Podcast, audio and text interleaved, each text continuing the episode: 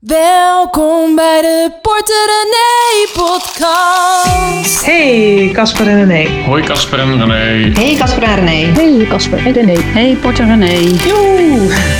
Welkom bij weer een nieuwe Port en René podcast. Op deze vrijdag eh, 14 eh, mei. Je ziet een beetje bleekjes. Zo? Heb En je, dit toe- is zonder filter. heb, heb je toevallig... eh, ja, zonder filter. We hebben net een foto gemaakt voor Instagram met een belachelijk eh, zonnig filter. Zo, lekker man. Maar dat was wel nodig, want je ziet een beetje bleekjes. Waarom? Wat dan? Zie ik er niet goed uit? Oh, ik dacht dat ik mijn best had gedaan vandaag. Lijkt wel of jij eh, heel veel geld bent verloren de afgelopen dagen. Is, is, dat, is, is, Heb dat, ik net mijn... is dat de reden? Heb ik net Bitfavo gecheckt? Ja. Eh, ja, dat was gisteren meer, hè? ja. Ja, ik weet niet eh, wie bitcoins heeft of andere muntjes. Die heeft het waarschijnlijk wel doorgehad. Dat de waarde, of tenminste de prijs, aardig is in elkaar is gestort gisteren. Nadat Elon Musk het nodig vond om daar iets over te... Wat was het, een tweet? Ja, te tweeten. Ja. Maar ik, zag, ik zei vanochtend al tegen ja, ik denk dat hij vanochtend weer wat opgekropen is. En ik had een bedrag in gedachten en daar staat hij nu ongeveer op. Het is natuurlijk allemaal momentopname, hè, deze podcast. Dus zodra je het hoort, is het alweer anders.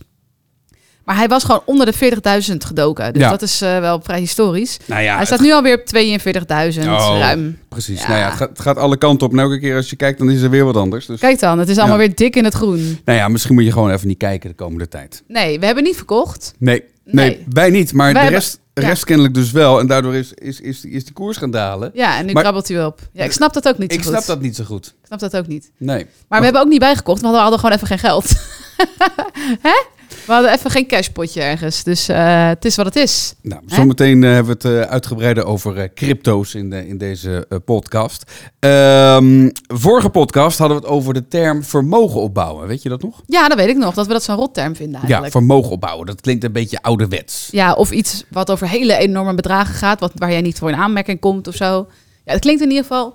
Ik denk dat weinig mensen zich daardoor aangetrokken voelen door die term. Ja, nou, we vroegen ons af, hebben jullie een betere term daarvoor? Er kwamen Oh. wat reacties binnen. Rebecca die kwam met ruimer in je portemonnee zitten. Ja, maar dat past niet in een blokje op onze website. Is, is maar ook... ik snap wat je bedoelt. Ja. Ja. Maar dat ja. kan ook wel weer besparen zijn en sparen. Dus Daarom, misschien een ja, beetje te breed. Maar ik vind het een leuke suggestie. Laurens had het over welvarender worden. Ja, hebben wij het ook over gehad. Ja, welvaren, Maar maar, wel- de ja, het is ook welvaren een beetje ook weer zo'n ouderwetse term inderdaad. Ja. Er moet eigenlijk gewoon een nieuw woord komen. Wendy die kwam met financieel groeiplan.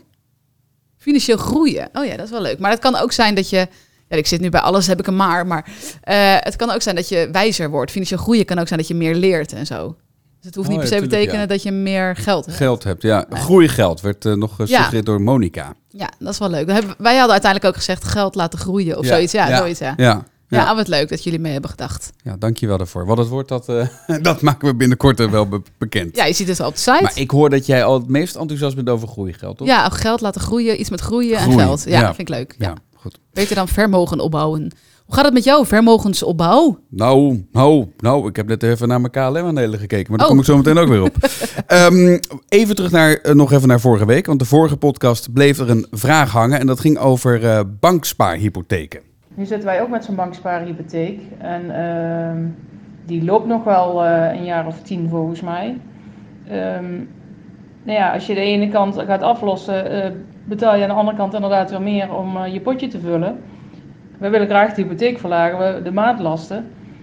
Ja, wat, wat kan je dan doen als, je, als dat banksparen, als daar niet slim is om af te lossen?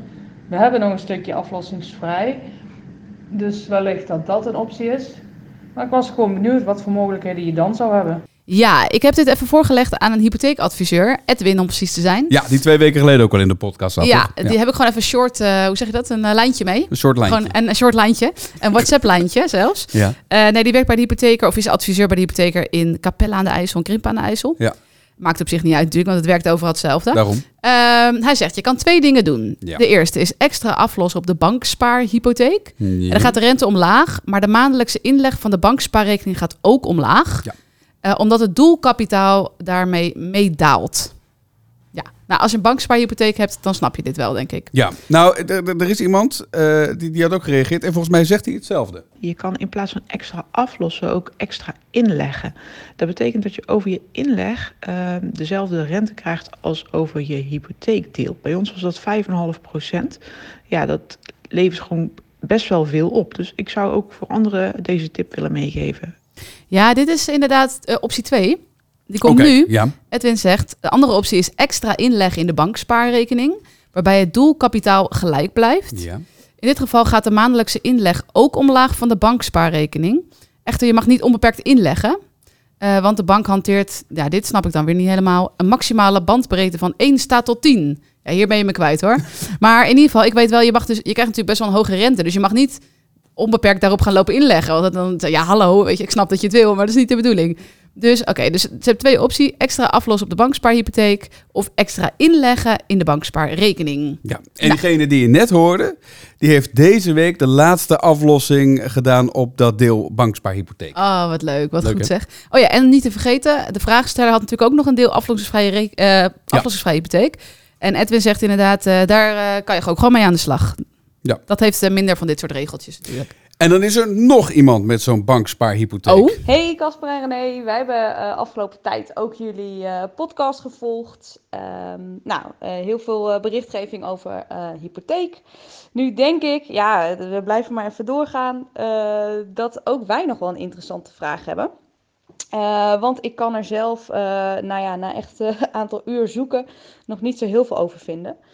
Ehm, is namelijk het geval dat wij een eh bankspaarhypotheek hebben. En eh, de afgelopen periode hebben wij al eh, ja, best wat extra stortingen gedaan. Waardoor we de looptijd al ja, echt fors hebben ingekort. En ehm, nou, begin volgend jaar moeten wij, ehm, loopt de rentevaste periode loopt af. En wij denken dat we op dat moment genoeg geld moeten hebben om de hypotheek volledig af te kunnen betalen. Eh, nou, dat zou ja, dus eigenlijk ook heel mooi zijn, eh, want dan zijn we er vanaf. En eh, dat willen we dan ook heel graag. Maar wij kunnen dus nergens informatie vinden over of dat tot de mogelijkheden behoort. En of je dan eventueel kosteloos ja, kan zeggen van nou hartstikke leuk dat we ehm, nu de, een nieuwe rentevaste periode gaan vastleggen. Maar dat is niet nodig, want ja, wij willen gewoon volledig de hypotheek in één keer even afbetalen.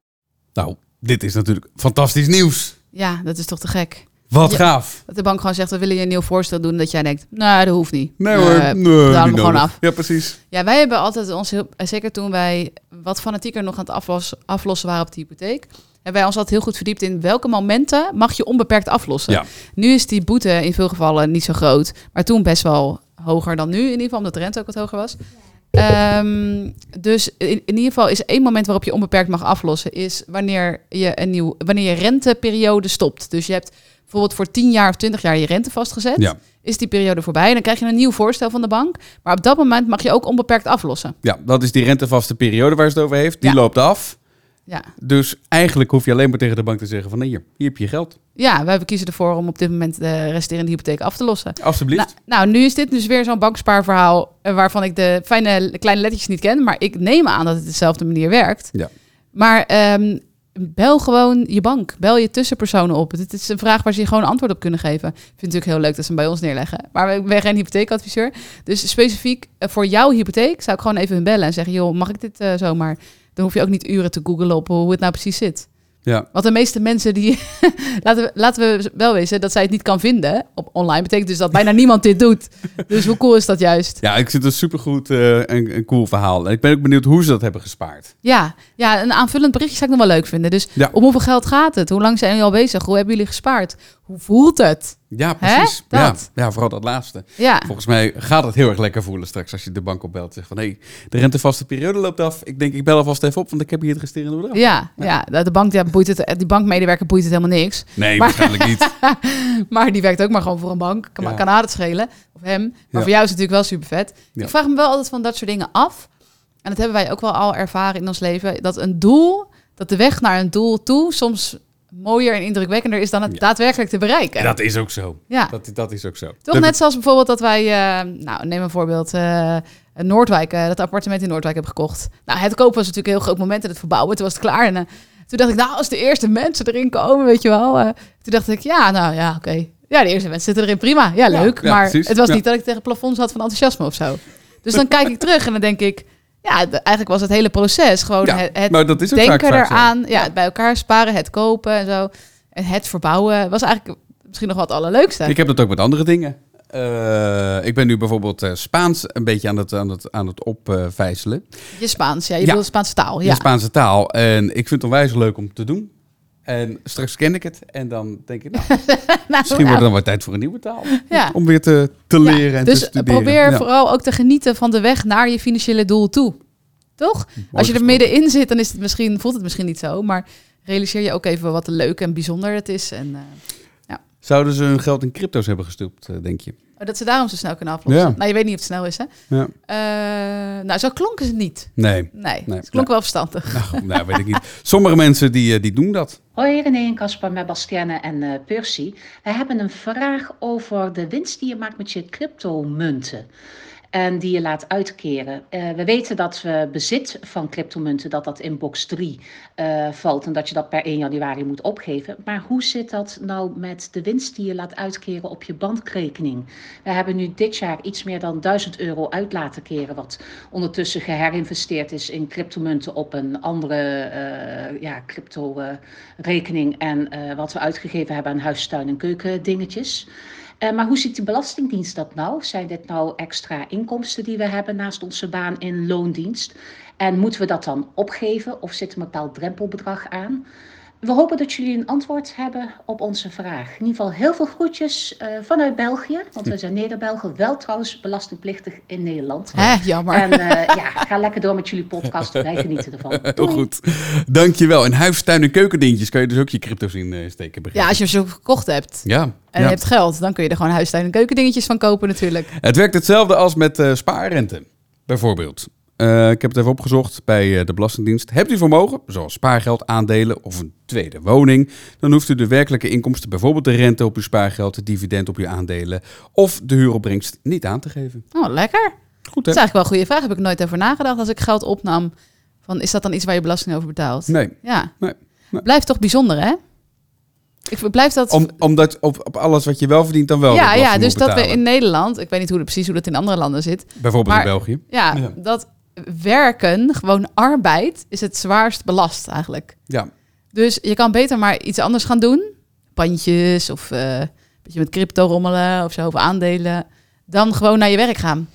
Want dan Ja. betaal je gewoon vooral eh, de Belastingdienst. ja, ja eigenlijk, moet je één vliegende start hebben en dan je hele leven daar eh, profijt van hebben. Ja, maar dat is eigenlijk heel oneerlijk. Want op die manier... Kijk, ik klaag er niet over hoor. Maar al betalen wij ook lekker belasting trouwens over ons werk gewoon. Nou, ik wou het zeggen. Maar ehm, het is wel raar. Want dan stel dat je dus met... eh, je wordt geboren en je, hebt al, je ouders hebben je al genoeg geld gegeven. Nou, daar heb je misschien eh, eh, erfbelasting over betaald. Maar dat zullen papa en mama dan wel goed geregeld hebben. Dat dat niet te veel heeft gekost. En dan heb je dus een soort klein sommetje... Hè, waar je een beetje mee aan de slag gaat. Een beetje pandjes kopen, een beetje dingetjes zo. En dan kun je dus een leven lang geen belasting betalen. Eigenlijk over je inkomsten. Ja, ja, maar over vastgoed, dat is ieder Ja, jaar over vermogen spannend betaal je wat er, natuurlijk wel weer. wat er weer gaat gebeuren daar dan mee. Eh, Ja, ik, eh, ik denk dat dat nog een keertje gaat veranderen. Want het voelt wel een beetje scheef. Dus als je dat niet hebt, hè, je hebt niet veel geld en je bent gewoon, eh, nou noem eens wat, buschauffeur. En je gaat elke dag naar je werk en je werkt heel hard. Dan betaal je dus wel dik de belastingdienst. Ja, ja. Nog even over crypto's. Ik heb toevallig twee Mandy's die wat te vertellen hebben over crypto's. Mandy 1, daar wil ik graag mee beginnen. Wij hebben na de eerste podcast over Telcoin ook even 250 euro Telcoin gekocht. Dat is nu 1250 euro waard. Super blij mee. Eh, we laten het staan omdat we het geld niet nodig hebben. In de hoop dat het nog meer waard wordt. En dan hebben we nog Mandy 2, die zegt: Oh, ik word zo jaloers van al die mooie resultaten van die crypto. Dit stuurden ze trouwens eh, voor eh, gisteren op, moet ik zeggen. Kunnen jullie misschien ook verhalen vragen waarbij mensen hun geld verloren zijn? Dat zou mij goed doen. Ik ben, eh, ik ben meer benieuwd naar jullie resultaten, Bitcoin en eh, Cardano, dan de KLM-aandelen. Oh, oké. Dus we worden eigenlijk verzocht om de KLM-rubriek eh, te killen. En eh, nee, maar weet je, weet je, ik voel me wel verantwoordelijk elke keer als ik iets deel over crypto. Want ik had een tijdje geleden gedeeld op Instagram van... eh, kijk, eh, we hebben er maar zoveel duizend in gestopt en hoeveel het nu is geworden. Ja, En toen heb ik vanochtend toch ook nog wel in badjas even een berichtje gemaakt van... hé hey jongens, we, hebben, we zijn weer wat geld verloren. Want je moet wel een realistisch beeld schetsen, hè? Van dat het niet alleen maar leuk is en alleen maar winst. Eh, er zijn ook gewoon momenten dat je wakker wordt... oh, 3000 euro weg. Ja. Ja, zeg maar. ja dat, is, dat is nu wel een beetje het geval. Ik zal nog eventjes eh, de voor de open gooien, want dat, daar, dat is onze Bitcoin broker, zo noem ik het dan maar. Uh, porterenee.nl slash bitcoin, dan kom je er ook op. Oh, ik zie nu dat het wel weer redelijk omhoog Ja, gaat joh. Alles staat weer op groen. We hebben voordaan, eh, vooral met die Cardano, waar zij het over had, hebben we er wat flink wat winst gehad. Want dat is een soort van duurzame munt. Duurzamere munt, ja. Omdat Ja. dat was de kritiek op bitcoin, waardoor die wat zakte. Hè? Ja, precies. Wat zakte, flink zakte. Ja, dat hij te veel stroom gebruikte. Nou ja, dat klopte ook niet helemaal volgens mij, dat verhaal. Een van de redenen. Ja, ja, ging. precies. Ja. Ja. Maar goed, nee, we gaan nog lang niet stoppen met... eh, Hoe gaat het met Caspers KLM-aandelen? want ik sta nog steeds in de min. En eh, dat is natuurlijk leuk, hè? Leedvermaak. Leedvermaak. ik sta wel 820 euro nog in de min. Oei. Ja. Ja. Ja, wat vind Ja. je daar zelf van? Nou ja, eh, jammer.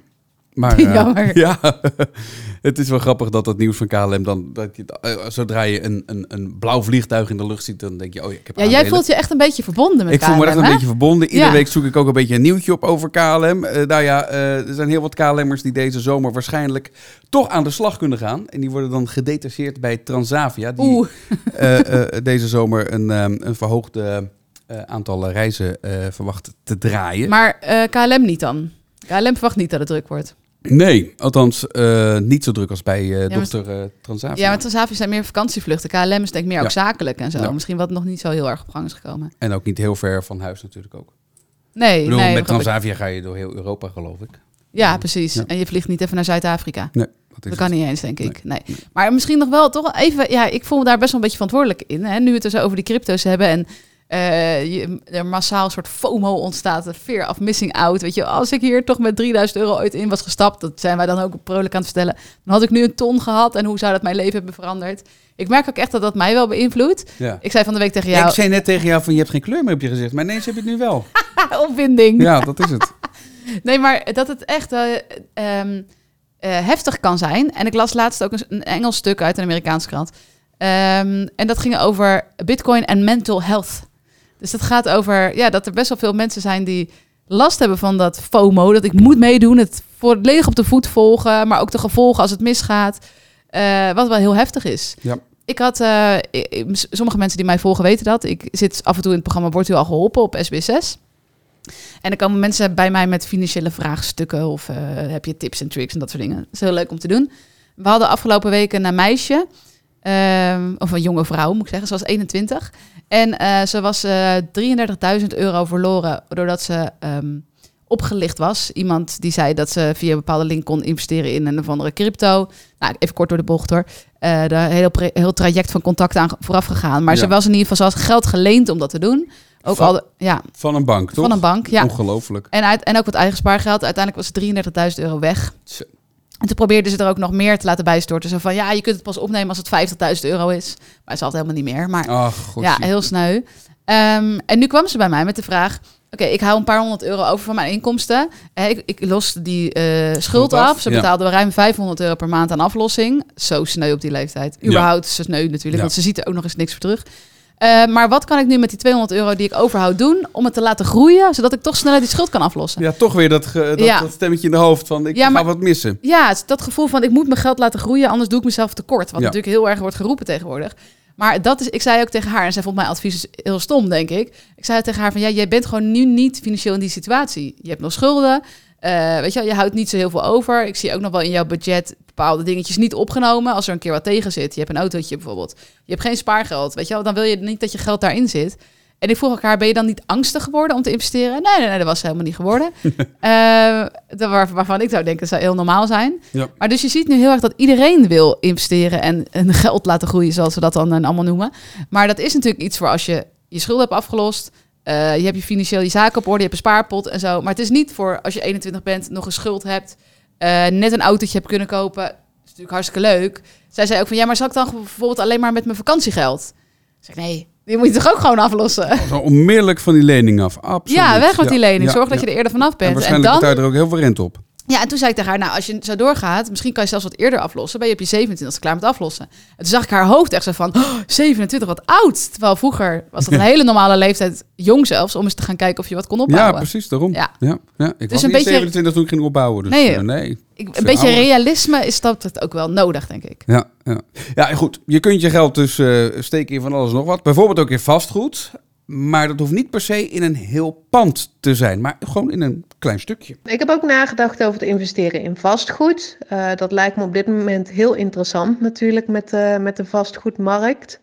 Alleen ik heb daar de middelen niet voor. Ehm, je kunt natuurlijk investeren in een garagebox, maar dan eh, moet je ook al wel minimaal 30.000 euro eh, en, en vaak meer investeren. Ehm, dus toen kwam ik eigenlijk op vastgoed beleggen. Ehm, en dat, is, ja, dat lijkt heel erg op aandelen. En je kunt daar ook een soort van ETF's uh, in kopen.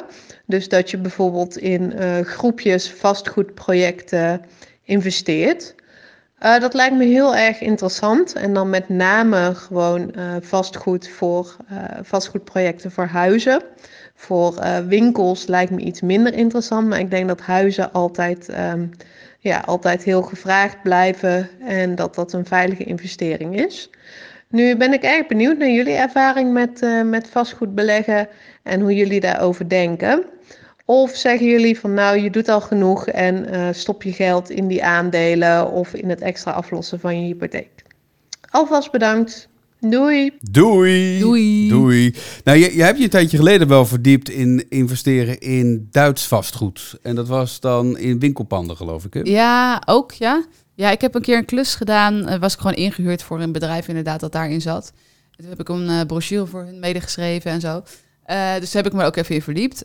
Maar ik zou, ja, dit is gewoon een mening, hè? Laten we wel weten. Dit is mijn mening.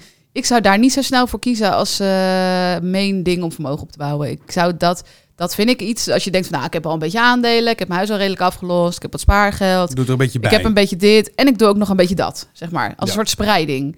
Maar ja, het zou, het is, ja, nee, ik zou dat niet als eerste kiezen. Maar het is ook omdat, ja, het is nog steeds, dat was bijvoorbeeld allemaal Duitse winkelpanden. Nou, ik vind dat vrij specifiek. Weet je wel, terwijl wij zijn natuurlijk groot fan van spreiding, waarbij je aandelen koopt, dan koop je Ja, je bent nog ETF's, eens. Ja, en je dan koop bent, je duizenden tegelijk. en je bent, eh, eh, eh, ja, je bent overgeleverd aan, aan de grillen van de Duitse economie. Ja, precies. Ja. De winkelmarkt, ook nog het fonds natuurlijk. En daar heeft dat erachter zit, et cetera, et cetera. Ehm, dus ja, ik heb me er niet zodanig in verdiept dat ik de, de kleine lettertjes ken. Maar het sprak mij gewoon niet heel erg aan. Nee, Laat ik zo nee, zeggen. Nee. Ook omdat het een beetje, het voelt toch een beetje traditioneel, zo'n fonds. Tenminste, zo heb ik dat een beetje ervaren. Eh, misschien is dat niet terecht hoor, maar gewoon mijn ervaring. Ik zou dan eerder gewoon eh, lekker, eh, als je toch niet enorme bedragen hebt waarmee je echt zelf iets kan kopen, zou ik er dan eerder gewoon voor kiezen om het lekker in ETF's te stoppen. Wereldwijd gespreid, lage kosten, redelijk risico. In mijn, ik zou dat ervaren als een lager risico dan. en, en dan opbouwen en dan misschien daarna er wat van kopen. ja, maar het is toch ook, mensen willen toch ook, en dat herken ik dan weer wel hoor. We willen ook iets doen wat we begrijpen, waar we wat gevoel bij hebben, wat we een beetje snappen, wat een beetje tastbaar is. Ja. Weet je, wel, dus daarom willen heel veel mensen denk ik ook vastgoed. Hè? Daar kan je naartoe, je hebt een verhuurder en zo. Dat voelt heel erg alsof je echt iets heel groots aan het doen bent of iets Ja. boeiends aan het doen bent.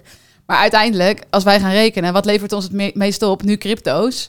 Misschien daarna wel aandelen, misschien daarna ons vakantiehuis. Ja. Ja, als je alles bij elkaar optelt. Nou ja, er zijn ook mensen die hun geld steken in windenergie. eh, mee investeren in, eh, in windmolens. Ja, Ja, maar dat is ook niet één ding. Dat Nee. is ook niet het enige wat je doet, toch? Dan heb je daarna nog dit of een beetje dat. Ja. Tenminste, dat, zo zou ik dat zien dan. Net zoals dit een beetje. Ja, Ja. spreiding. Ja. Ja. Eh, weet je wat ik nog niet heb verspreid? Nou, De hele podcast nog niet.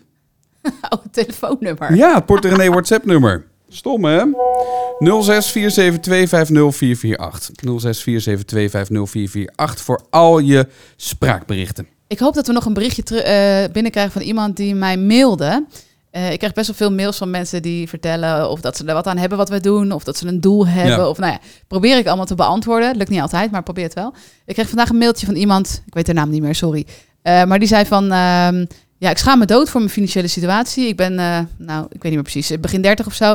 Ik heb eh, een eh, krediet van 1000 euro. Ik heb bijna geen spaargeld en een eh, studieschuld van 7000 euro. Ehm, en ik schaam me zo en het eh, moet echt anders. Ik heb dit als doel. Dus ik zei, weet je, maar ze zei van, ik, ja, hoe hou ik het vol? Ik zei, nou, stuur een WhatsApp berichtje naar de podcast, want ze was trouwe luisteraar. Oh, en dan ga je gewoon elke drie maanden even laten weten hoe het gaat. Dan heb je een soort stok achter de deur van ons. Oh, leuk. Ja, dus ik hoop dat ze een berichtje stuurt. Maar ik heb ook meteen teruggestuurd van, weet je wel, dat ze dan zelf zegt, ik schaam me dood. Waarom, ja, waarom zou je daarvoor schamen? Bovendien zijn heel veel mensen die er veel slechter voor staan dan jij. Eh, maar ook die hoeven zich niet te schamen. Ik vind het juist leuk dat ze er iets mee gaat doen en dat ze ermee aan de slag gaat en een ambitie heeft. Dus ik hoop dat ze nog, als ze dit hoort, want ik weet dat het trouwe luisteraar is, stuur even een berichtje. Dan gaan we gewoon even jou volgen. Een jaartje. Je kijkt hoe het gaat. Eh, wij, eh, wij zijn niet zo van schamen. Sterker nog, we hebben hele leuke verhalen komende week op uh, we hebben zo bijvoorbeeld het verhaal van Inge.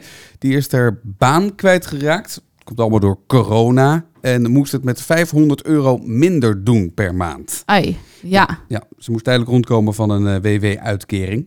En ze besloot met potjes te gaan werken. Daar lees je komende week meer over op Ja, je moet-. Je moet wel, denk ik, als je flinke verliest, inkomsten verliest.